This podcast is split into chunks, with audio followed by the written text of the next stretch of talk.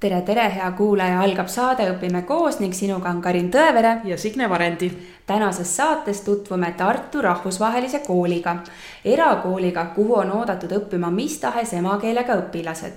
tegemist on ingliskeelse põhikooliga, kus õpitakse Eesti riikliku õppekava järgi ning rakendatakse rahvusvahelist iibeõpet. meie külaliseks on kooli pikaajaline direktor ja õpetaja Kristi Aria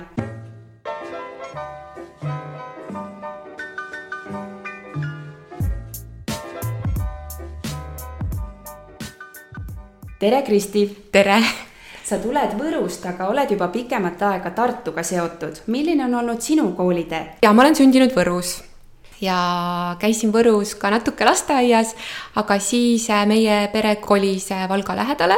nii et tegelikult oma esimest klassi ma alustasin Tsirgulinna keskkoolis ja lõpetasin ka seal gümnaasiumi ja siis äh, juhtus nii, et kui oli vaja nagu elukutse valida, siis kuidagi õpetaja kutse ja, ja õpetaja tegemised olid alati mul hästi südamelähedased ja asusin õppima Tartusse õpetajate seminari, mille siis lõpetasin klassiõpetajana.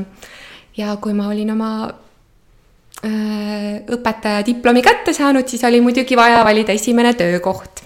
ja Tartus oli palju toredaid koole, aga, aga sellel hetkel mul oli selline tunne, et äh, tahaksin Äh, minna kuhugi, kus äh, on nagu õpetajatest puudu ja, ja kuidagi nagu natuke midagi rohkemat teha, kui siis lihtsalt klassiõpetajana või ainult klassiõpetajana äh, klassi ees seista.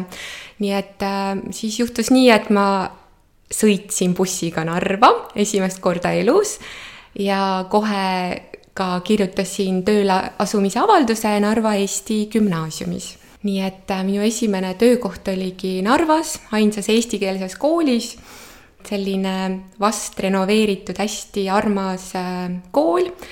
noh, seal vist oli paarsada õpilast äh, ja enamus õpilaste kodune keel ei olnud eesti keel.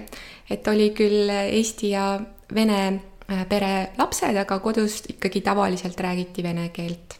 seal ma siis õpetasin kaks aastat ja tegelikult ei läinudki tööle klassiõpetajana, vaid inglise keele õpetajana, sest seda oli koolile äh, väga vaja.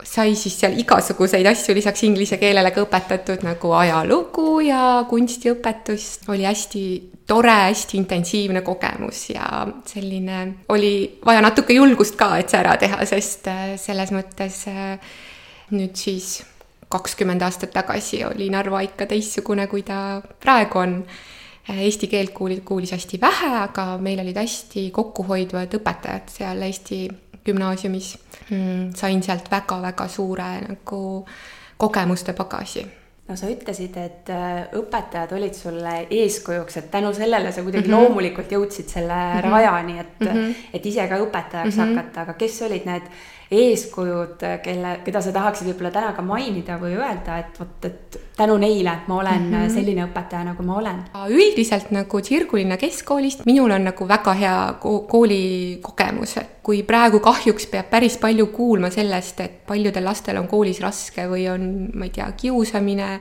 siis äh, minul on nagu väga positiivne koolikogemus, mina olin oma koolis väga õnnelik, ja sai äh, igasuguseid asju teha, kõik võimalused olid olemas väikeses äh, maakoolis, et üleüldse need väikesed äh, koolid äh, kahjuks praegu on muutumas meie, meie riigis luksuseks, nii et minul oli nagu see luksus siis päris äh, gümnaasiumi lõpuni käia väikeses koolis ja saada nagu väga hea haridus sealt. Kas sul on mõni selline ere, ere mälestushetk kooliajast ka, et mida sa tahaksid jagada mm -hmm. näiteks? Mm, meie koolis olid tüdrukute või neidude rahvatantsurühm ja ikkagi need tantsupeod, mis me käisime ja äh, sellised ühised, noh, käidi sellel ajal äh, erinevates äh, kohtades nagu majandites abistamas talumehi ja, ja põlluharijaid, et noh, kui ikka mindi koos niimoodi kas midagi istutama või rohima või kivisi korjama, minu meelest oli see hästi tore, et mis mis äh, võib-olla praegu isegi jääb ju, jääb natuke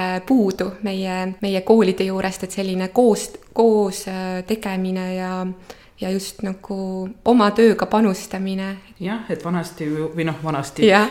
minu kooli ajal olid ka ikkagi koolidel olid oma aiad mm, -hmm. kus õpilased käisid rohimas, riisumas, koolipargid, et järjest kaotatakse ära nagu need tööd, et, et mul on nagu ka tõesti kahju sellest, et mm, -hmm. et tegelikult lastele meeldis, mulle tundub, mulle meeldis toimetada niimoodi. ja tegelikult tänapäeva lastele ju ka meeldib, et kui sa mõtled, et koolides on, tulevad need kampaaniad, et saavad lapsed minna metsa näiteks istutama, et nad tulevad ju selliste särasilmsetena tagasi, no minnakse särasilmsetena ja tullakse veel rohkem, et kuna nüüd uuesti lähme jälle, et selline töökasvatus tegelikult on. võiks oleks, tagasi tuua sellise töökasvatuse. kas just niimoodi suvine ÜKT, mida ma mäletan natukene sihukest, et seda nagu ei tahaks, aga võib-olla niimoodi kooliaja keskel, et väike vaheldus oleks nagu täitsa mõnus, et. aga sa oled olnud Tartu Rahvusvahelise Kooli direktor kahe tuhande esimesest aastast alates, mil see kool ka asutati.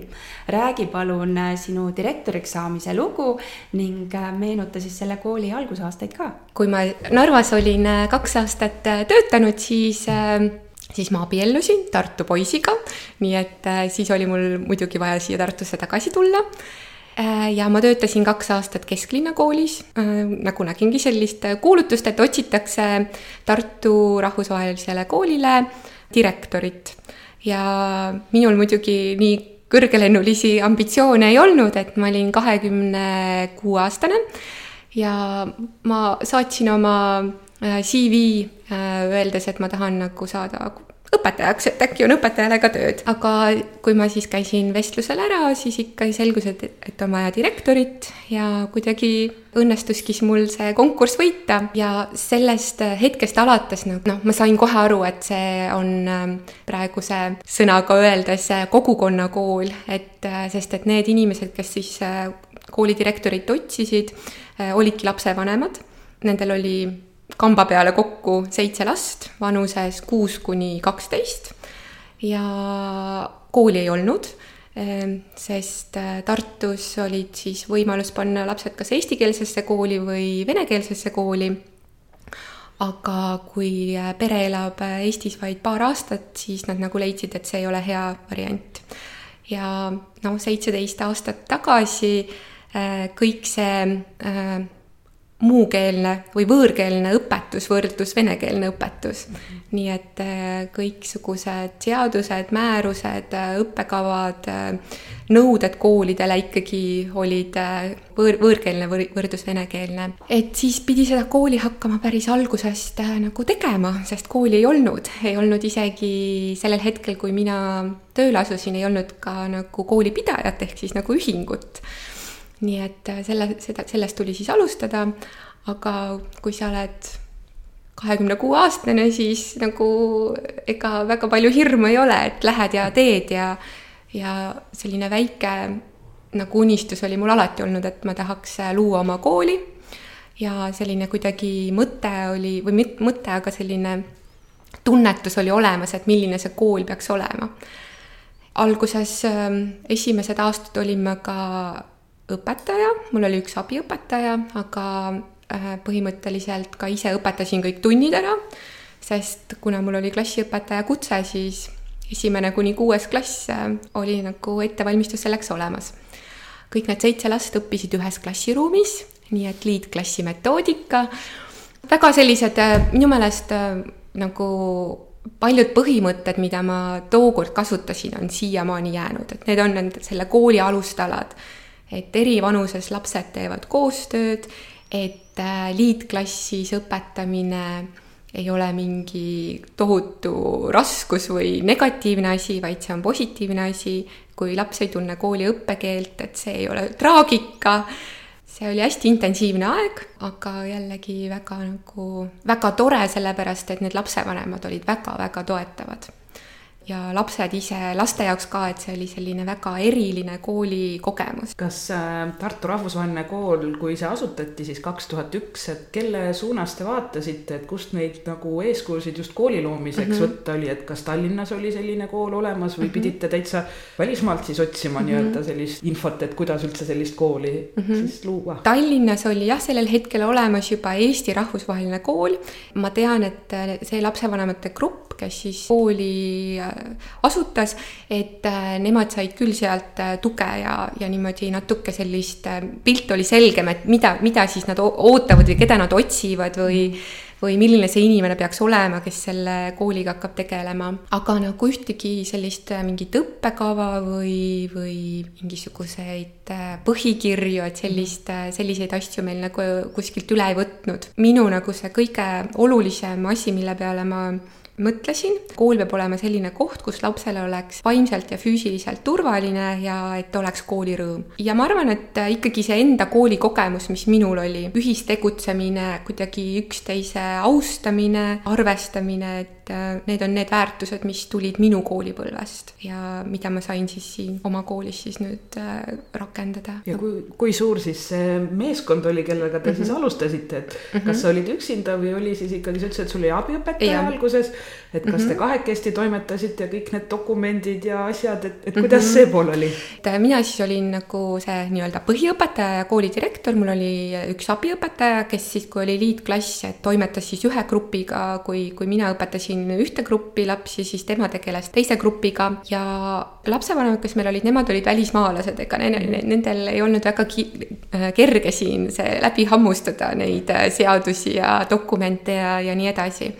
Et ikkagi enamus äh, sellest tööst tuli nagu ise teha, et sest kui me alustasime, siis meil polnud ka koolitusluba veel, sest äh, kooli ei olnud olemas, me ja me pidime ikkagi noh, selle läks ikkagi aega peaaegu kaks aastat, kuni me saime kõik need dokumendid korda, sest päris algusest peale me hakkasimegi ikkagi õpetama Eesti riikliku õppekava järgi küll inglise keeles, kui palju, mida õpetada, et need proportsioonid oleks paigas, mitu tundi matemaatikat teatud klassis, mitu tundi kehalist kasvatust, äh, mis matemaatikas õpetada, et see tuli ikkagi Eesti riiklikust õppekavast. ja see areng, mis on toimunud mingi viieteistkümne aasta jooksul, on tohutu, et kui palju on nagu antud vabadust äh, õpetajatele ja koolidele ise enda kooli järgi see õppekava luua. mulle tundub, et meie kooli puhul oli hästi hea see, et me saime tegelikult ka praktikasse panna selle asja, mis riiklikus õppekavas on kirjas, et nagu iga kool koostab oma õppekava enda näo ja vajadustest lähtuvalt. meil ei olnud mitte kellegi teise õppekava üle võtta, me lõimegi selle enda kooli jaoks. minu meelest nagu meie riiklik õppekava annab võimalusi küll, et võib-olla on seda keerulisem muuta, kui sul on juba see dokument olemas ja siis kool hakkab seda muutma, aga kui sul ei ole midagi, siis tegelikult äh, saab enda kooli jaoks väga hea asja luua. seda juttu kuulates võiks nagu jääda alguses selline mulje, et justkui tegu on ühe tavakooliga, kus õpitakse inglise keeles, lihtsalt klassid on väiksemad, on ju, ja noh, on ka siis liitklassid, et või õpitakse siis mitmekesti koos, et et aga tegelikult, et ikkagi, mis teeb siis Tartu Rahvusvahelise Kooli võib-olla teistest erakoolidest erilisemaks? kõigepealt nagu võib-olla kõige erilisem asi, mis äh, meil ongi, et meil on, kuna meil on rahvusvaheline kool, siis meie õpilased on, tulevad äh, üle maailma erinevatest kohtadest, äh, väga erinevate emakeeltega, väga erineva kultuurilise taustaga. et see on nagu selline, mis meid eristab ja sellest lähtuvalt kõik tegevused, mis me siin teeme peame me siis korraldama nagu selle järgi. kooli õppekeel on inglise keel, aga kuna lapsed tulevad üle maailma ja inglise keelt emakeelena rääkijaid on meil tegelikult väga vähe, et need on mõned üksikud, äh, siis äh, olukord on selline, et äh, kui me sügisel kooliaastat alustame, siis umbes noh, võib-olla kuuskümmend protsenti õpilastest ei saa midagi aru, mis me räägime eriline asi, mis meil on, et me hästi palju pöörame tähelepanu keeleõpetusele ja erinevate keelte õpetamisele, erinevate emakeelte, aga ka siis äh, inglise keele õpetamisele, mis on meie kooli õppekeel. et inglise keele õpetuseks on meil äh, erinevad grupid, siis teine asi, mis meil on lisaks, meie võtame kooli lapsi vastu, kui nad on kuueaastased see on meie perede ootus, sest äh, Eesti, äh, Soome ja veel mõned üksikud riigid on need, kes võtavad seitsmeaastasi kooli, et üleüldse ikka, äh, üldiselt ikka maailmas on need kuueaastased lähevad esimesse klassi. et meil juba alustavad siis kuueaastaselt nad kooli. siis me rakendame rahvusvahelist õppekava, IB õppekava, seda me oleme siis nüüd õpetanud natuke rohkem kui aasta, õpetame seda esimesest kuuenda klassini.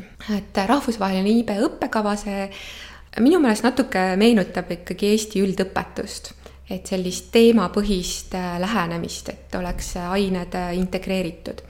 aga Eestis me tavaliselt üldõpetust võib-olla räägime rohkem esimeses kolmes klassis. käib see nii, et on kuus suuremat teemat mida siis tuleb äh, aasta jooksul integreeritud erinevaid äh, aineid lõimides äh, õpetada. osad teemad on hästi enda lähedal, näiteks kes, kes me oleme, aga siis lähevad ka natuke kaugemale, kuidas maailm töötab ja nii edasi.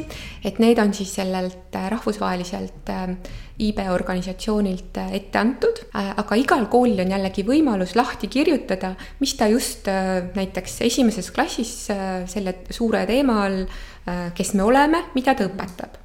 et kuidas, mida, kui palju, see on igal koolil võimalik äh, otsustada. huvitav nagu on minu meelest lähenemine ka selles, et äh, iibeõpe on nagu kuidagi kontseptsioonipõhine. kui sul on rahvusvaheline õppekava, siis sa ei saa õpetada ühegi riigi ajalugu või, või loodusõpetust. aga selle programmi järgi saavad lapsed nagu tuttavaks erinevate kontseptsioonidega ma ei tea, mis on nagu mingi asja funktsioon või vorm.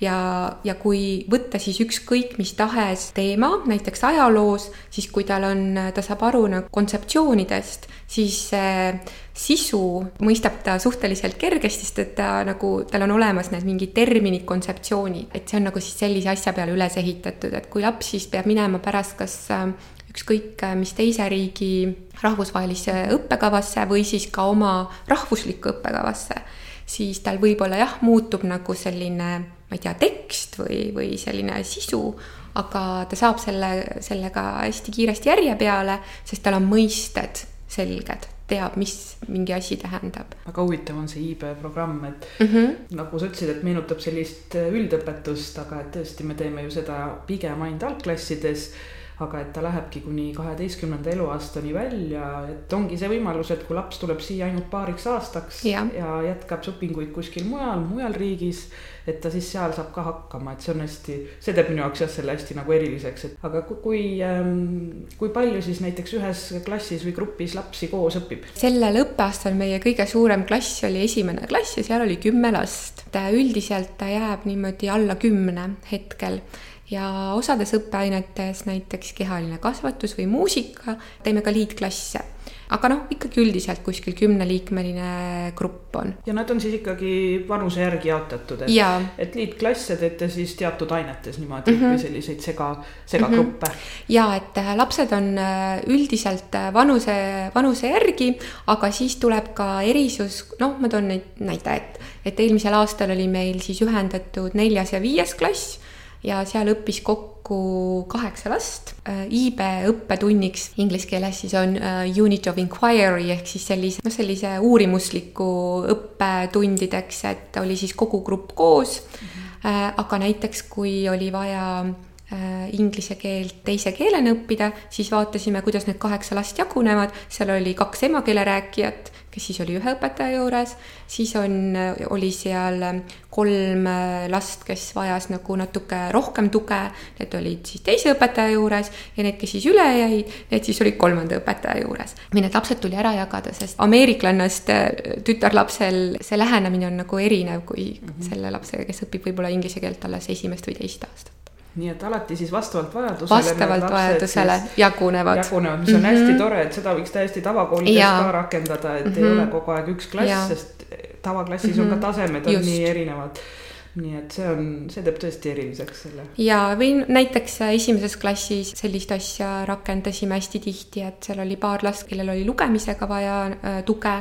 kaheksa lapsega oli õpetaja klassis ja tegutses nendega seal, siis oligi, et teine õpetaja võttis kaks tükki välja ja tegeles lugemisega samal ajal noh, ja siis saatis jälle klassi tagasi, et, et meil nagu see, see klassinumber ei määra nagu sinu sellist noh, et kus, kus grupis sa oled. et see on vajalik see number panna, sest ta peab minema lõpuks kuhugi tunnistusele ja lapsevanem tahab teada. aga tegelikult see ei tähenda seda, et sa ei võiks äh, klasside või gruppide vahel liikuda erinevates ainetes. kas võib öelda, et siis sisuliselt on igal lapsel oma individuaalne õppekava, mille järgi ta siis äh, liigub? ja just, just ongi nii, et äh, kui meil nüüd oli nelikümmend viis last ja me siis neid tunnistusi välja printisime, sest meil on selline eriline tunnistuste vorm ka, siis me juba mõtlesime oi-oi, et äh, kahekümnega selle individuaalse õppekava järgi tunnistusi teha oli nagu täitsa okei. Okay.. aga nelikümmend viis juba on, juba on, tööd on ikkagi päris palju sest meie tunnistused on noh, tõesti nagu pädevuspõhised, et me võtame lisaks üldpädevustele siis noh, näiteks ka aineti, et kui sul on seal matemaatika või, või ajalugu õppekavast, oleme siis need Äh, oskused oodatavad välja. oskused on sinna kõik välja kirjutatud ja iga oskus on eraldi ära hinnatud, et, et kas ta nüüd oskab nagu peast arvutada saja piires või oskab rääkida mingi keskaja kõige tähtsamatest sündmustest ja siis see on nagu eraldi seal hinnatud. aga kas teil on hinded või sõnalised või te kirjeldate kogu protsessi lahti? meil on äh, esimesest kuni kolmanda klassini on ainult nagu sõnaline, aga pärast siis tulevad tähed. ja üheksanda klassi lõpus, milline see tunnistus siis välja näeb, et kas ma saan näiteks, lõpetan siin üheksanda ära ja saan jätkata Eesti Gümnaasiumis? jah, et meil äh, paar põhikooli lõpetajat iga aasta on, eelmine aasta oli kolm, nüüd see aasta jälle kolm. klassitunnistusel on neil siis kõik äh, õppeained hinnatud äh, tähte, täheliselt, lisaks käib sinna juurde lisa, kus on siis iga aine pädevuste kaupa välja toodud ja seal on nagu selline sõnaline hinnang ja sooritavad edukalt põhikooli lõpueksamid, siis nad saavad ka selle päris Eesti põhikooli lõputunnistuse mm, -hmm. kus on siis numbriliselt ühest viieni hinded ning äh, noh, eksami tulemused ja ka need äh, põhikooli siis ainete kaupa lõputunnistuse hinded on ka viiepallisüsteemis, et et see ongi niimoodi, et kui kool kasutab teistsugust äh, kui riiklikku süsteemi hindamist, siis lihtsalt meil peab olema tabel, kuidas me ühed A, A, B ja C. paneme viis, jah, viis, neli, kolm. Mhm. aga teie koolis käivad ka Eesti lapsed, kuhu nad tavaliselt siis nii-öelda mm -hmm. teevad oma sisseastumiskatsed et on see siis Miina mm -hmm. Härma IB-õpe mm -hmm. või valivad ka mingeid teisi valikuid? või lähevad sootuks välismaale? jaa, no tegelikult on meil, äh, lugu on nii, et äh, meil ühtegi päris Eesti põhikooli lõpetajat veel ei olegi et läheb veel paar aastat aega, aga need, kes on äh, lõpetanud, nemad on olnud kõik äh, välismaalased ja reeglina lähevad nad äh, kodumaale tagasi. kuidagi on juhtunud niimoodi, et on, on pidanud minema.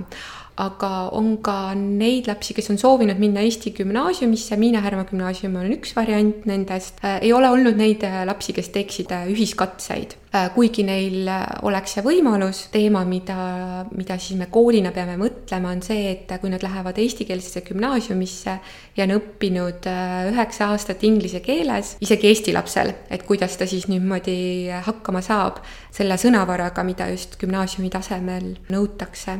kuna kõikidel on hästi individuaalne lähenemine, et siis need lapsed, kes tahavad minna Eesti gümnaasiumisse, et tuleb kolmandas kooliastmes osades õppeainetes teatud materjal nagu eestikeelseks ja meie õpetajad tegelikult kasutavad ka päris palju Eesti õpikuid sest lapsed õpivad ka eesti keelt äh, teise keelena, et äh, mõnikord ka saavad juba nad niimoodi päris hästi aru ülesannetest, kui nad on ikkagi mitu aastat eesti keelt teise keelena õppinud. ka üldiselt põhikooli lõpueksamid meie õpilased sooritavad väga hästi. et mul on tõesti nagu väga suur rõõm nende üle, meie tulemused on olnud siiani kõrgemad kui Eesti keskmised, isegi kõrgemad kui Tartu keskmised, et ikkagi selline individuaalne lähenemine nagu töötab hästi, tundub nii ma küsiks nende laste kohta, et kes tulevad, noh, ütleme, et tuleb Poolast, tuleb mm, -hmm. ma ei tea, Saksamaalt, Moldaaviast.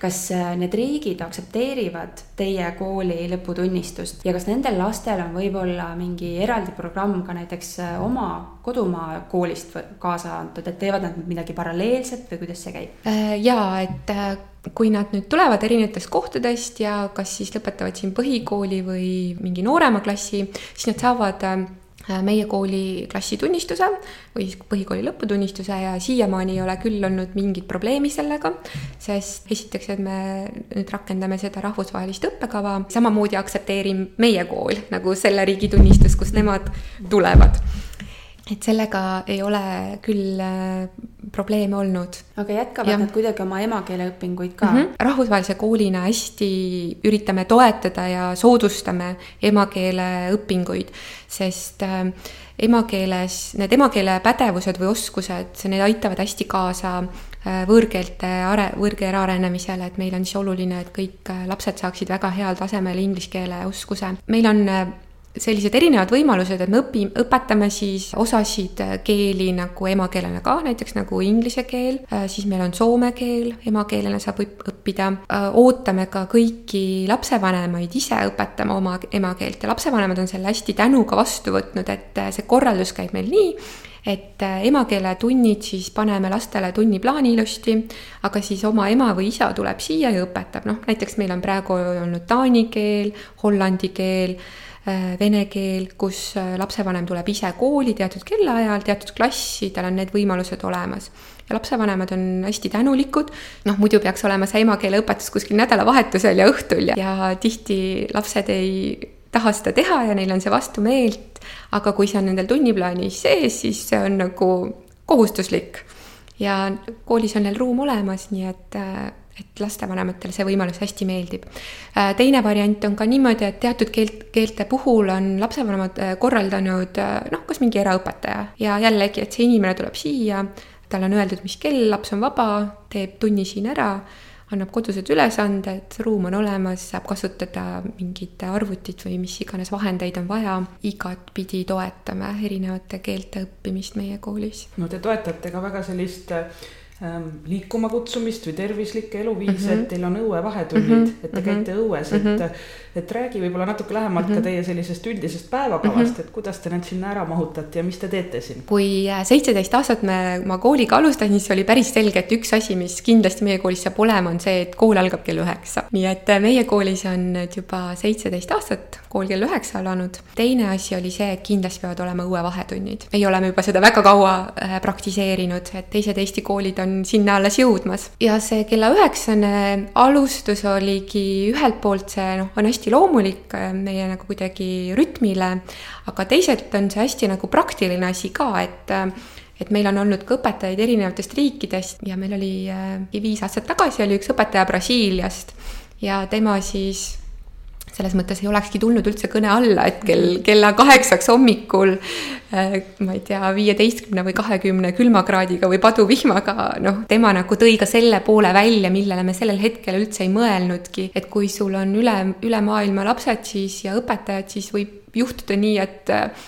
nende jaoks liialt varajane ja pime kooli alustus on ikkagi väga keeruline ja kui meil on võimalus seda teisiti teha, siis miks mitte. kool algab meil üheksa, aga küll on meil niimoodi, et maja teeme lahti juba kell kaheksa ja kui kellelgi on mingit individuaalset tundi vaja, siis seda just vanemate õpilaste puhul, et, et siis saab ka selle hommikuse kaheksa läbi viisteist minutit aja veel ära kasutada. ja siis meil on selline pooleteise-tunnine plokk, nelikümmend viis pluss nelikümmend viis minutit mis siis ongi esimesest kuuenda klassini oma klassiõpetajaga kõikidel see uurimuspõhine õpe, kus siis tegeletakse mingisuguse projektiga. poole üheteistkümnest tuleb meil esimene õuevahetund ja see on pool tundi.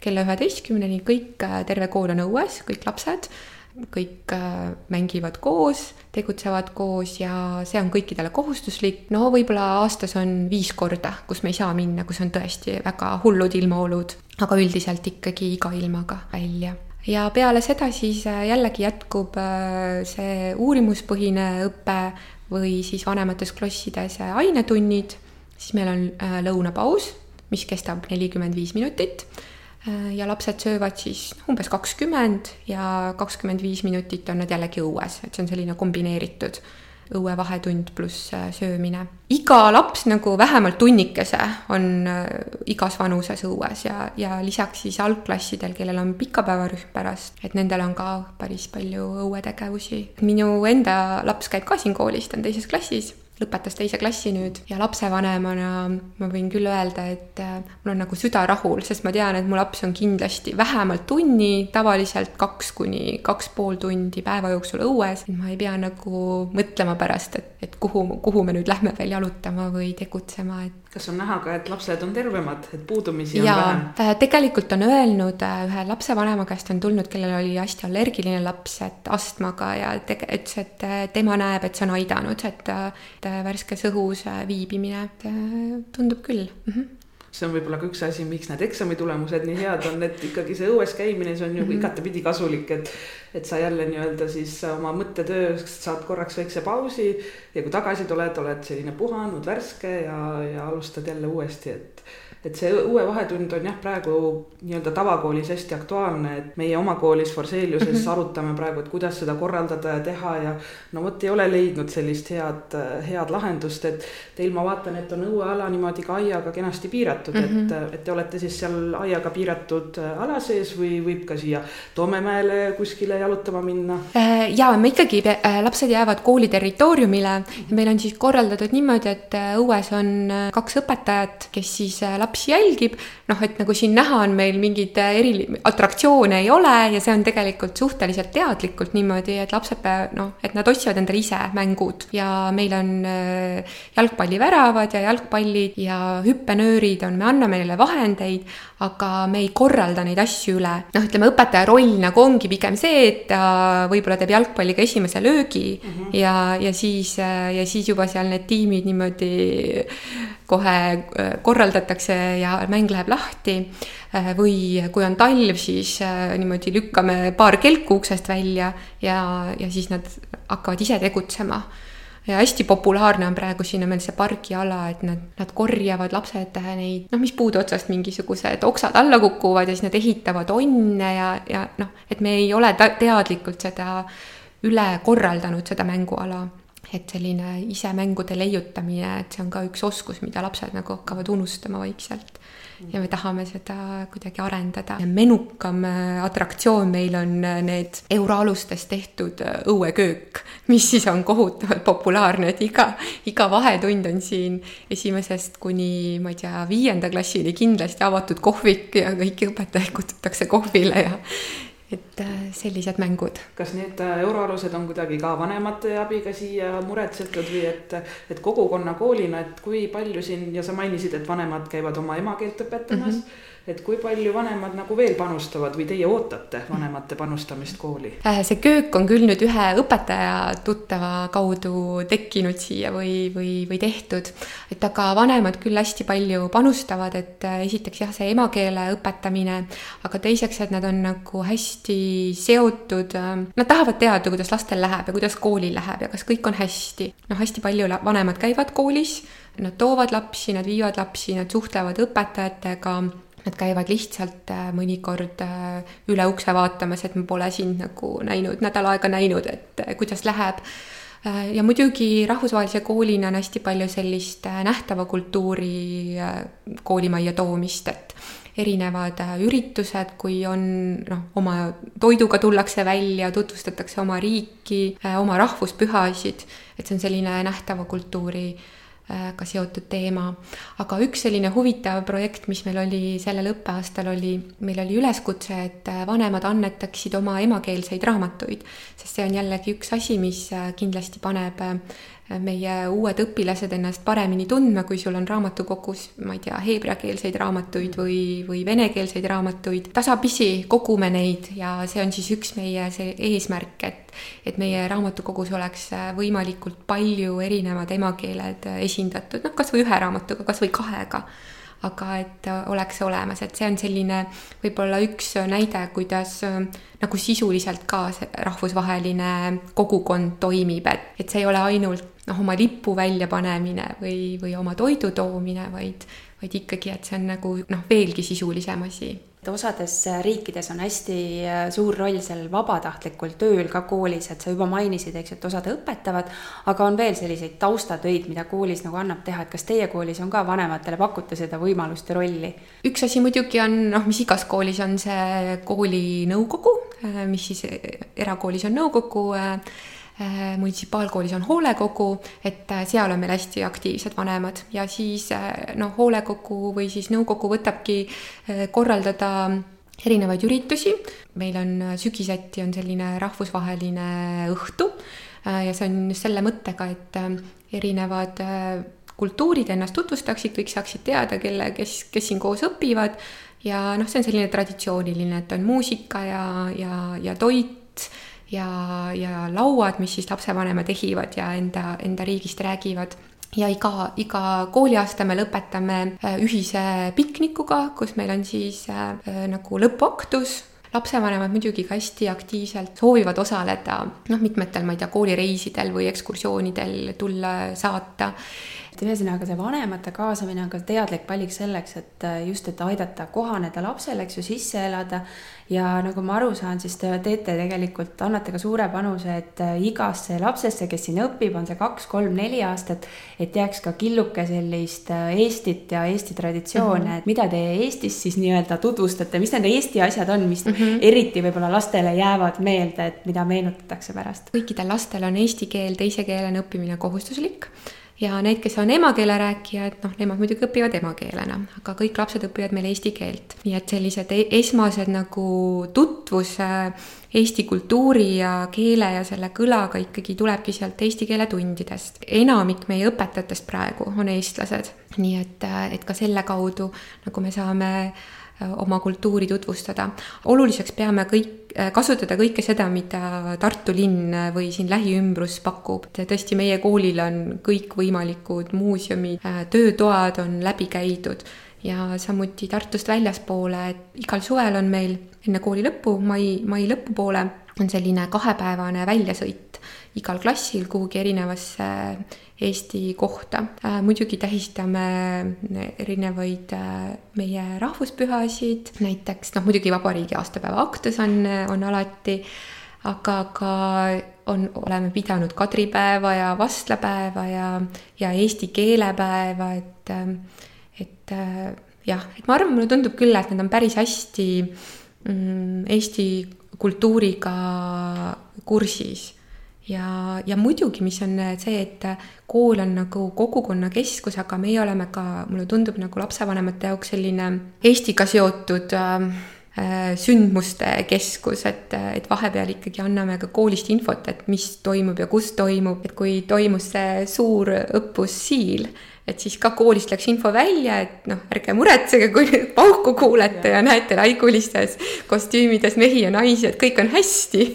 et äh, Tartus ja Eestis on kõik hästi, aga lihtsalt on see suur õppus ja sealt tuli ka hästi palju tuli tagasiside, oi, me ei teadnudki ja sest, et ei ole nagu selles info väljas, et väga hea, et te ütlesite ja muidu oleks tõesti nagu päris hirmus olnud. tahamegi võtta sellise rolli, et me olemegi nende jaoks keskus ja, siit nad saavadki informatsiooni, väga erinevat tuge, et see on meie jaoks väga tähtis. no lisaks sellele koolikodulehel on mainitud, et te olete mitmekeelse hariduse kompetentsikeskus.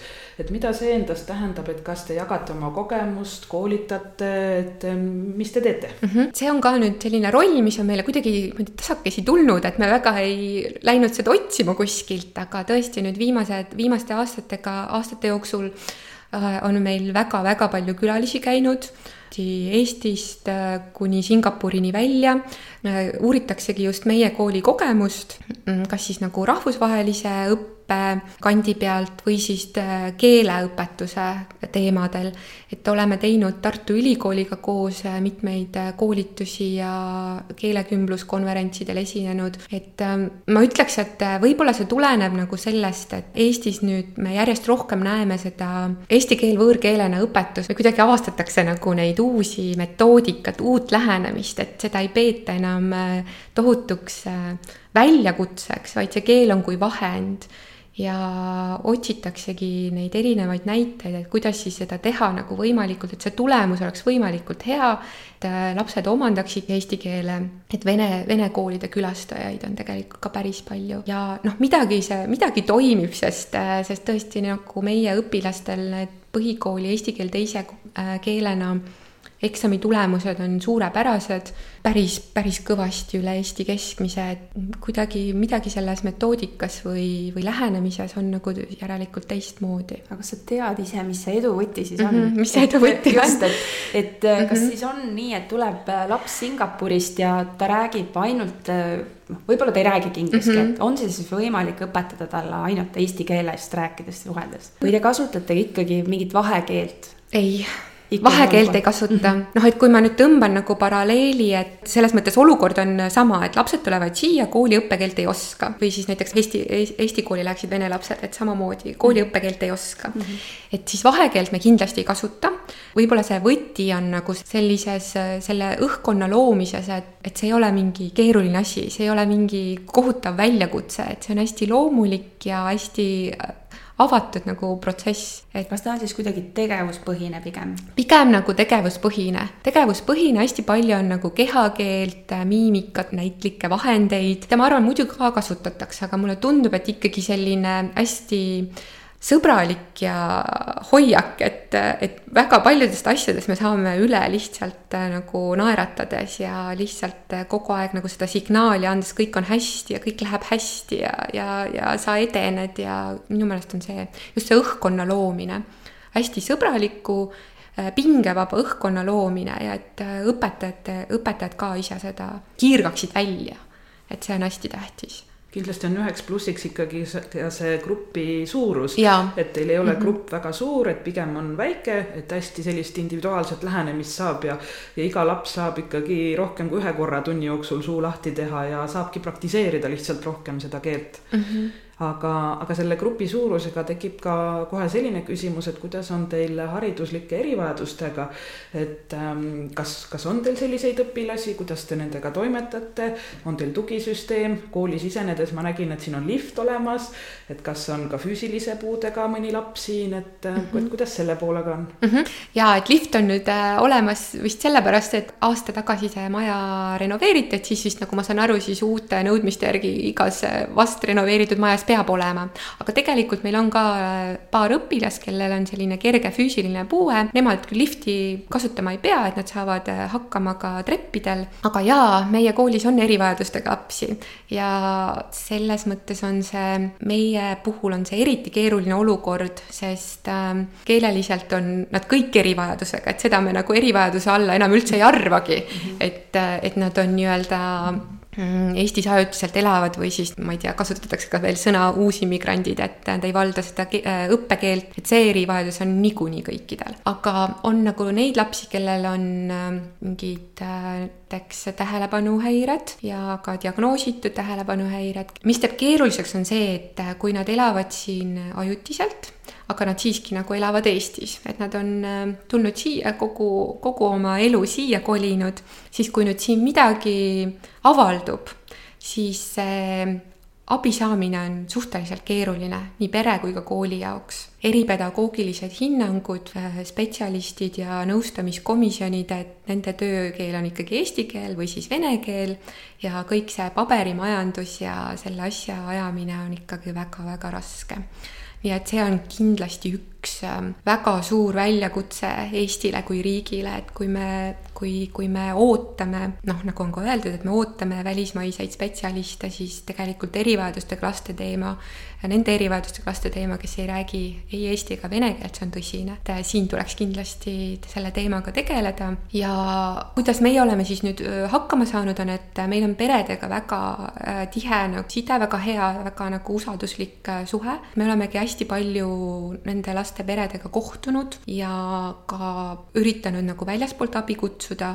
mõnes kohas saab abi, on ka nagu antud näiteks eripedagoogilist või logopeedilist abi inglise, inglise keeles. meil on väga-väga suurepärane koolinõustaja, kes kohe leidis nagu väga hea kontakti peredega, et temalt oleme väga palju tuge saanud. mis on meie väga suur pluss, on see, et me olemegi väga väike kool ja erinevad siis eripedagoogid või ka meie koolinõustaja ütleb, et, et noh, tegelikult, et see, see ongi see, mida nendel lastel vaja on et paljude erivajadus äh, saabki siin lahenduse, sest äh, klassid on väikesed, hästi palju tähelepanu on õpetajal neile, aga see on ka muidugi õpetajale väga-väga suur äh, nagu selline lisa, noh, see võtab hästi palju energiat, ka lisatööd et aga noh, meie õpetajad on lihtsalt nii suurepärased, et nad saavad äh, tõesti iga, iga olukorraga nii hästi hakkama. Äh, erivajadustega laste teema on hästi tõsine ja siin nagu oleks vaja sellist kuidagi ühtset ja rohkem niimoodi strateegia läbimõtlemist, et mis siis nendest lastest saab. sest ei ole mõistlik mõelda, kutsume välismaalt Eestisse spetsialiste elama, et siis noh, lastel ei ole mingeid erivajadusi, igal lapsel on selle teemaga tuleb kindlasti tegeleda. no aga ennem sa mainisid jutu sees, et sinu äh, mõttes on kogu aeg olnud, et ma tahan luua kooli, et äh, nüüd sa oled seitseteist aastat äh, seda kooli siin juhtinud ja sinu jutust on läbi käinud kõik see, mida meie tavakoolis räägitakse, nii-öelda muutunud õpikäsitlus, eks ju, sa räägid siin õuesõppe, erinevad vanused õpivad koos, individuaalne õppekava kõik, kõik see, et, et kuhu te veel edasi lähete, kuidas te selle kõik olete saavutanud? Ja siis ma panen veel kolmanda küsimuse ka, et, et mis nõu sa annaksid siin nüüd nendele tavakoolidele, et kuidas nad saaksid kõik selle, kõik selle omaks võtta, mis teie olete võtnud omaks mm? -hmm. Mis esimene küsimus ja, oli? mis see esimene küsimus oli? et kuidas see võimalik ja, on nagu selles ja, mõttes, et mm, -hmm. et ma saan aru, et see on, eks mm -hmm. ju, meeskonnatöö mm -hmm. ja, ja mõnes mõttes ma mõistan seda, et kui te alguses, eks ju, väiksena alustasite, et äh, ongi lihtsam alustada, et nüüd sa ütlesid ise ka, et kui meil oli kakskümmend individuaalset õppekava, oli tunduvalt lihtsam kui nelikümmend viis, eks ju, et et millistest sammudest peaks siis tavakool mm -hmm. alustama, et jõuda sinnani, kus teie olete mm? -hmm. kõige, võib-olla kõige tähtsam on see, et nagu see aluspõhimõte endale selgeks teha või väga selgelt nagu endale öelda. meie näiteks, et äh, meie koolis nagu ongi oluline, et äh, iga laps saab just talle individuaalse õppekava ja siis äh, tegelikult kõik need otsused hakkavad sealt tulema. Kõigepealt tuleb nagu kokku leppida selles kõige nagu aluses. kui see on olemas, siis on juba selliste väikeste sammudega parem, parem rakendada. aga mis ma nagu koolijuhina ütleksin, et, et õpetajatele tuleb anda aega ja, ja tuleb nagu anda füüsiliselt aega. et kui ma rääkisin siis sellist äh, nagu lõimitud õppest või uurimuslikust õppest, mis me selle rahvusvahelise õppekavaga seoses rakendame siis äh, meie õpetajatel on iga nädal, iga nädal üks tund selleks, et äh, saada kokku. Äh, meil on sellised väikesed meeskonnad, et iga, iga klassi selle lõimitud uurimusliku õppe eest vastutab väike meeskond, seal on erinevad aineõpetajad ja iga nädal ühe, ühe tunni jooksul nad istuvad ja räägivad ka ainult sellest, mis me nüüd teeme järgmisel nädalal, järgmistel perioodidel ja nii edasi. aga selleks tuleb anda aega, et seda ei saa õpetaja teha nii, et üks lõpetab kell üks, teine lõpetab kell kolm ja kolmas pool viis ja siis vaatame, kuidas. et meie koolis on see korraldatud niimoodi, et kui meil on õue, see õuevahetund, nelikümmend viis minutit, on leitud kaks inimest kes äh, nendes meeskondades ei pea tööd tegema, noh näiteks koolidirektor, kes siis sellel ajal on lastega õues ja õpetajatel ongi normaalsel kellaajal poole kaheteistkümnest poole üheni ongi aeg, et seda koos ja nad ei pea mõtlema selle peale, et keegi peab kuskil korda pidama või, või kas tuleb mõni lapsevanem, see on selle jaoks, et nad saavad seda teha ja mitte kell kuus õhtul, mitte kell seitse hommikul, vaid normaalsel tööajal. noh, et tulebki anda nagu füüsiliselt aega mõelda, et kuidas seda korraldada. ega selles suhtes meil on sama, et äh, täiskoormus on seal kakskümmend kaks kuni kakskümmend kaks tundi, mõnel natuke rohkem, mõnel natuke vähem see tundide arv on ikkagi sama, mis tavakoolides, õpetajal nagu tööaeg. nii et koolijuhil peab olema kindel selge nägemus siis oma koolist, et mis seal kõik toimuma peab ja, ja sealt nii-öelda hakkab see pall veerema. väikeste sammudega siis... edasi mm. -hmm. aga nüüd jah, pikaajaline direktor, et kas kuhu, kuhu veel edasi siis? Nüüd meie nagu soov on see, et, et me aasta tagasi kolisime siia majja oma, meil oli eelmises majas oli meil natuke üle kolmekümne lapse, sest sinna rohkem me ei tohtinud võtta. et nüüd siia majja me saaksime võtta koos oma lasteaiaga üheksakümmend last, nii et meil on veel ühe klassi või kahe klassi jagu äh, vaba ruumi. et eks me nüüd üritame niimoodi kasvada, kõik see hea asi, mis meil siin on, et rohkematele lastele pakkuda ja kindlasti ka Eesti lastele meil juba on kümme protsenti lastest on eestlased, mitte küll väga palju, aga, aga järjest nagu tuleb juurde, järjest rohkem nagu leitakse meie kooli ülesse. kas on siis perel konkreetne soov, et oleks hästi väike kool, kodune kool, selline turvaline ja rõõmus õpikogemus või siis on need pered, kes tahavad mingil hetkel välismaale kolida või on välismaalt tagasi kolinud, nii et me tahame kasvada. aga kuidas teie kooli siis sisseastumine käib? Äh, sisseastumiskatseid meil ei ole ja kindlasti ka kunagi ei tule. laps peab olema siis äh, septembriks saanud kuueaastaseks, kui nüüd pere on Arno kasutaja Tartus, siis saab avalduse esitada seal. Või siis meie kooli koduleheküljel on olemas üks äh, elektrooniline registreerimisvormi link, et saab siis selle kaudu saata oma soovi ära ja siis kool võtab ühendust. kui nüüd laps tuleb lasteaiast, siis äh, on muidugi hea nagu noh, koolivalmiduskaarti või, või siis kuueaastastel seda vist veel tegelikult Eestis ei ole, aga, aga põhimõtteliselt saada mingit tagasisidet lasteaiaõpetajatelt, et, et äh, kuidas lapsel on läinud. ja võib-olla kõige rohkem me vaatame just sellist sotsiaalset poolt, et kas me peaksime midagi teadma, et kas ta näiteks äh, kardab uusi olukordi või, või kas ta on nagu julge, et julgelt sõlmib uusi tutvusi. ja need, kes siis näiteks vahetavad kooli, et neid juhtu, juhtumeid on meil ka, vahetavad Eesti koolist, tulevad siis meie kooli, siis lihtsalt klassid, viimane klassitunnistus või siis iseloomustus, et ega, ega rohkem ei olegi midagi kas te tutvute ka peredega ennem, et on ja. peredel võimalus tulla ka kooliga mm -hmm. tutvuma üldse, et kas nad nagu oleks huvitatud siin? jaa, kindlasti, see on, ütleme, selline vastuvõtu äh, üks äh, osa, et alati saame perega kokku, näitame kooli, räägime, vastame kõikidele erinevatele küsimustele, natuke tutvustame. kuna te üldse kooli alustate, augustis või esimesel septembril? Äh, meie esimene päev on nüüd kakskümmend kaheksa august mm. -hmm. et siis meil ongi see orientatsioonipäev või see orientation päev, kus me siis kõikidega äh, kohtume ja tuleb avaaktus ja siis hakkavad tunnid pihta. aga Kristi, räägi õpetajatest, kui palju õpetajaid siin on, kes nad on ja mis nende eripärad siis on? praegu töötab meil kaksteist õpetajat, ka nüüd sellel õppeaastal oli enamik meie äh, õpetajatest eestlased, aga tegelikult on ka meil välismaalasi olnud varem, mõni aasta rohkem, mõni aasta vähem, et nüüd meil on siis, on äh, Soome õpetajaid, on USA-st siis käib äh, läti keelt õpetamas üks äh, õpetaja. õpetajate võib-olla eripäraks on see, et äh, meil on väga noored õpetajad. et kui ma külalisi, külalisi võõrustan, siis nad on alati hästi imestunud, et kuidas teil on nii noored õpetajad. kuidagi see meeskond on hästi püsiv, paljud nendest on töötanud kümme või rohkemat, rohkem aastaid, nii et hästi kogenud just sellises koolis töötama võib-olla eripära on ka meil veel see, et meie õpetajad nagu teevad hästi palju päriselt koostööd, et just sellist sisulist ja üksteise toetamine, koostöö tegemine, et nad on tõesti nagu üks meeskond ja kuidagi lapse arengu ja toetamise seisukohalt on see nagu äärmiselt tähtis. kui meil on mure mingi mis tahes äh, teemal, siis kindlasti on, et me arutame seda koos, me, me koos nagu proovime leida kõige parema lahenduse, et selline meeskonnatöö on hästi sisuline ja ka planeerimise mõttes, et nagu sellest ma juba natuke rääkisin, et äh, iganädalaselt saadakse koos siis sellist õppetööd planeerida, et äh, lapsevanemad on öelnud, et nagu tõesti nagu A-klassi meeskond, et tõesti parim. kuidas sa motiveerid oma õpetajaid? töötasu on meil tegelikult sama, mis Eesti kooli õpetajate töötasu. mida siis mina nagu koolijuhina äh, üritan teha,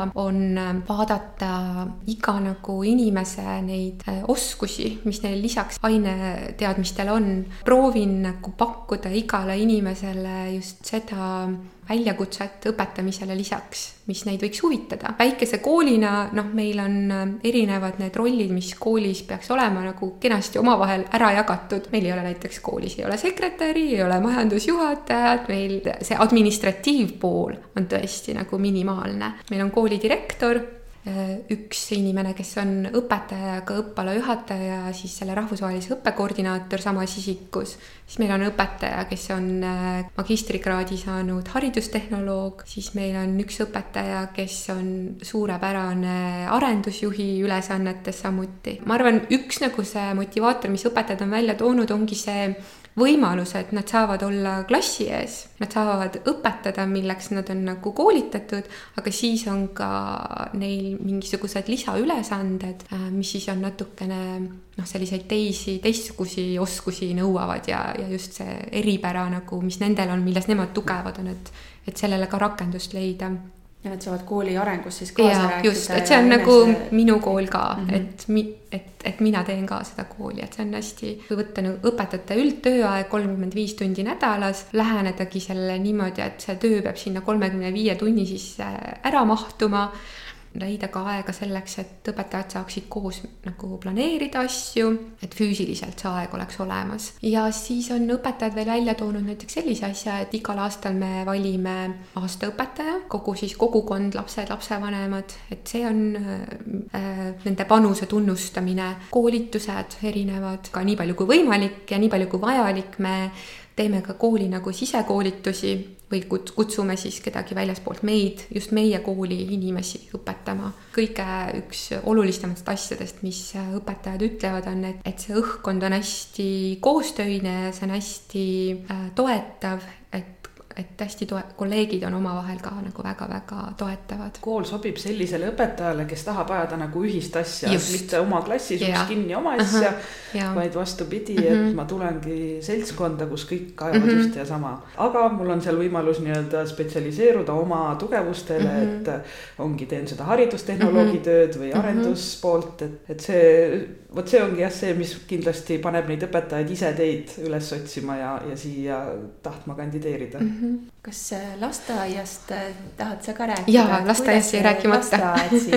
kas see sündis see ennem kooli juba mm -hmm. või kasvas see pigem tuli koolile hiljem juurde? see kasvas ikkagi koolist välja, et koolis olid äh, lapsed ja nooremad õed-vennad oli ka vaja kuhugi paigutada, nii et siis lasteaed tuli natuke hiljem ja nüüd me oleme siis äh, kõik siin ühes hoones, nii et terves majas kokku on seitsekümmend viis last. Äh, lasteaias on äh, seal kolmekümne kanti ja, ja koolis oli nelikümmend viis ja lisaks sellele on meil ka eelkool et lasteealised lapsed, kes tahaksid ka inglise keelt õppida, et saavad käia ka kord nädalas õhtuti meie koolis eelkooli tundides.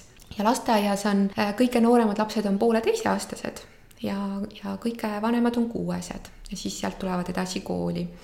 et seal on ka, me alates kolmandast eluaastast siis rakendame seda rahvusvahelist iibeõpet, et äh, see programm, mis meie koolis on, see ongi siis vanuses kolm kuni kaksteist. no ma küsin oma hirmud ka siis ära, et äh, meie kolime Belgiasse ja minu lapsed lähevad äh, Belgias rahvusvahelisse kooli, mis on siis ameeriklaste kool kui kiire see kohanemine lastel keskmiselt on, et minu lapsed on siin puberteedieas, et ma näen, et see, see protsess on nagu nii valuline, et me ei taha minna, sõbrad, kõik on nii oluline, kõik see uus kool on tundmatus, on raske, ma täiesti mõistan kui kaua see aega võtab, et nad kohanevad ja siis on teine asi see, et läheb mingi see periood mööda, nad on siin harjunud, tekivad uued sõbrad ja siis on see äraminemise valu.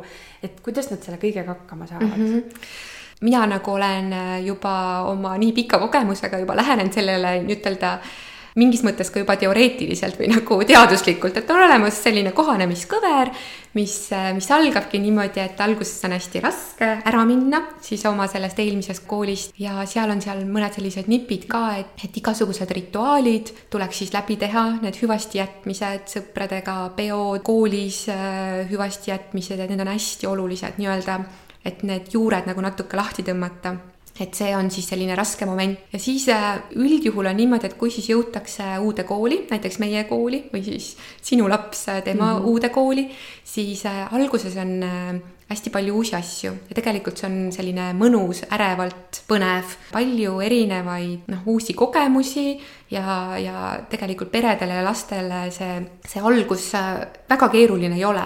et kui sellised, jah, kui sellised logistilised asjad on nagu lahendatud, kus on mis klass, kelle poole ma pöördun või noh, klassiruum, et kelle poole ma pöördun, kui mul on see ja see mure, kui need on paigas, siis tegelikult on selline noh, selline hea kõrg, kõrghetk aga tavaliselt see hakkab kukkuma niimoodi oktoobri keskpaigas, et siis äh, langeb see kohanemiskõver niimoodi järsult ja siis, siis on, jõuab niimoodi äh, teadvusesse lastele ja peredele, et, et see esimene mõnus ärevus on möödas ja kõik asjad on teisiti, kõik asjad on äh, keerulised, ei ole nii nagu kodus, alati ei ole asjad halvemini, aga on teistmoodi et siis jõuab nagu see kohale, kohale siis on, äh, lastel võib tekkida nagu raskusi, siis on see hetk, kus vanematel on äh, nagu nad on segaduses, et, äh, et mis siis, mis siis nagu on ja kõik on teistmoodi ja kodus, kodus ma ei olnud üldse selle asjaga harjunud. ja siis on selline languspunkt ja ta ikkagi võib seal täitsa talveni veel niimoodi detsembrini või jaanuarini olla selline languspunkt ja siis hakkab niimoodi vaikselt üles minema. et kui on aprill ja, ja mai ja, või seal kevadine kevad, et siis on juba tavaliselt äh, kõik väga hästi ja inimesed on kohanenud. mina nagu hindaks küll, et keele, keeleõppe mõttes ma ütlen oma kogemusest, et see läheb umbes kaheksa nädalat kui siis laps, kes on, kellele meeldib suhelda, kes tegelikult hakkab ennast juba siis väljendama, kui ta ei ole üldse inglise keelt õppinud ta hakkab väljendama ennast, need, kes on natuke õppinud, kellel on passiivselt äh, keel kuskil kuklas olemas, siis nendel läheb päris kiiresti. et seal on kuu ajaga juba niimoodi täitsa hästi. selle keeleõppe juures on omad äh, sellised väiksed äh, asjad, mida peab ka võib-olla pere teadma. mõne, mõnele lapsele meeldib hästi kui mida, midagi, kui ta midagi ütleb, siis see peab olema kõik väga korrektselt ja õigesti öeldud. nii et siis seal võibki tulla selline periood, mida nimetatakse siis vaikseks perioodiks, kus äh, laps ei ütle mitte midagi, ei ütle õpetajale koolis Äh, kodus ka on lapsevanem täiesti veendunud, et ta koolis üldse ei õpi midagi, sest ta ei väljenda ennast, aga, aga sellest tulebki hästi teadlik olla ja lapsevanemaid toetada ja õpetajaid, et see ongi see silent period ja kus ta otsustabki, et ei räägi midagi ja siis noh, siis kui ta suudab juba sellise perfektse lause moodustada, siis, siis, siis ta ütleb selle välja ja, ja kõik rõõmustavad. niimoodi see aeg tuleb äh, üle elada. siis jah, umbes kaheksa nädalat võib see keeleline kohanemine, noh, tavaliselt võtab äh, aega aga, aga see üldine sotsiaalne, et äh, oleneb ka lapsest, aga noh, selle või võib ka minna niimoodi, kui on keerulisemad juhtumid, et seal jõuludeni välja, et on, on veel raskusi. aga minu meelest üks nipp nagu sellel ongi, et see hästi olla teadlik, et see ongi, et see ongi kohanemiskõver on päriselt ka olemas. mingi nädalad tundub, et on hästi keeruline, hästi raske, siis tegelikult ta hakkab minema paremaks ja, ja see, ma vist äh, tean ühte juhust, kus ongi laps äh, niimoodi teisest semestrist äh, läinud tagasi oma vanematega kolinud, sest see pere lihtsalt ei kohanenud. aga seda on väga harva. mis nippe sa oskad anda, et kui ongi see Äh, raske pime periood mm -hmm. on mhm. ka ja must masendus on peal, et kas siis pigem tulla Eestisse, noh näiteks Eestisse mm -hmm. külla, et sõpradele või kutsuda sõpru külla või pigem kuidagi teisiti, et mis need, mis need nipid on, et kuidas mm -hmm. seda rasket aega üle elada? seda on, oleme, on pered kasutanud seda, et on nagu siis läinud äh, ära tagasi kodumaale aga mulle tundub, et äh, äkki see ei ole kõige parem mõte. igatsus on äh, olemas, võib-olla kui siis, siis ainult nagu noh, ma ei tea, jõulude ajal tulla korraks külla, perena ära minna mm, -hmm. aga kindlasti mitte niimoodi, et kui on koolis raske, et lähme siis kaheks, kaheks nädalaks tagasi ja mm -hmm. ole siis natuke oma vanas koolis. et see minu meelest ei toimi hästi, sest äh, see uus kool, kus ta on, seal see klass läheb oma rütmis edasi, nad õpivad, nad nagu ka sotsiaalselt äh, kuidagi lõimuvad ja, ja see ta, uuesti tagasitulek on ikkagi keeruline. kui pere näiteks äh, kolib ära kuhugi aastaks või kaheks et üldjuhul, kui on see aastaks, siis on juba see kalender on ju enam-vähem teada, et mm, -hmm. et sellel kuupäeval on kellegi, ma ei tea, suur juubel, siis me tuleme kolmeks päevaks ja siis me tuleme näiteks jõuludeks äh, üheks nädalaks. kinni pidada sellest plaanist ja. no ikka see kindel rütm ja, ja selline. ja ette, ette teada ja mm -hmm. nagu kuidagi, et olla nagu teadlik mm. -hmm sellest, mis nagu juhtuma hakkab, et see on oluline ja uues, uues koolis on noh, mis meie kasutame, on muidugi jällegi need mingis mõttes need rituaalid, kui tuleb uus laps või noh, iga uutele peredele meil on augusti lõpus kokkusaamine, kus kõik uued pered tulevad kohale, lapsed tulevad kohale ja siis on täiesti praktilised asjad, nii siin on WC, siin pesed käsi, kui lähed sööma, siia paned oma mingid sussid, et selline hästi praktiliste asjade rääkimine. Ja sinna siis võiks nagu teha noh, lipud välja või tere tulemast või sellised rituaalid. ja siis on lihtsalt kokkulepe perega, et me hoiame sidet, kas, kui vaja, siis igapäevaselt. Ja minu meelest ikkagi hästi palju see nagu need naeratused ravivad ja aitavad Kristi, ma tänan sind väga, et sa avasid äh, Tartu Rahvusvahelise Kooli uksed meile, tutvustasid. ma võin öelda, et see oli alguses natukene nagu selline müsteerium, et mis siin toimetatakse ja tehakse, aga ma usun, et kõik, kes meie saadet kuulas, said nüüd äh, väga selge ja sellise ühtse pildi sellest äh, koolist ja kindlasti on siis oodatud siia, nagu sa ütlesid, et kes huvi tunnevad ja, ja tahaksid mingeid koolitusi näiteks teie käest saada ja, ja rahvusvahelised pered on siis tõsiselt hoitud siin teie juures, et, et mul on väga hea meel, et meil ka Tartus on see võimalus olemas. nagu sa ütlesid, me ootame spetsialiste ju tagasi ja, ja te hoolitsete siis nende laste eest. täname sind, ma loodan, et me kohtume kindlasti veel sinuga ja, ja me kuuleme rahvusvahelisest koolist veel palju uut ja põnevat. aitäh, oli väga meeldiv vestlus, väga rõõmsa meelega alati tutvustan oma kooli, nii et äh, tere tulemast. aitäh, Kristi. järgmise korrani. Kuulmiseni kui sinagi said koos meiega täna uusi mõtteid ja inspiratsiooni, siis anna taskuhäälingule hoogu juurde, likei, jaga ja kommenteeri meie postitusi sotsiaalmeediakanalites. kui soovid taskuhäälingut Õpime koos toetada, siis täname sind annetuse eest MTÜ Tartu Loomemaja arveldusarve kontole. kõik vajalikud lingid leiab saate kirjeldusest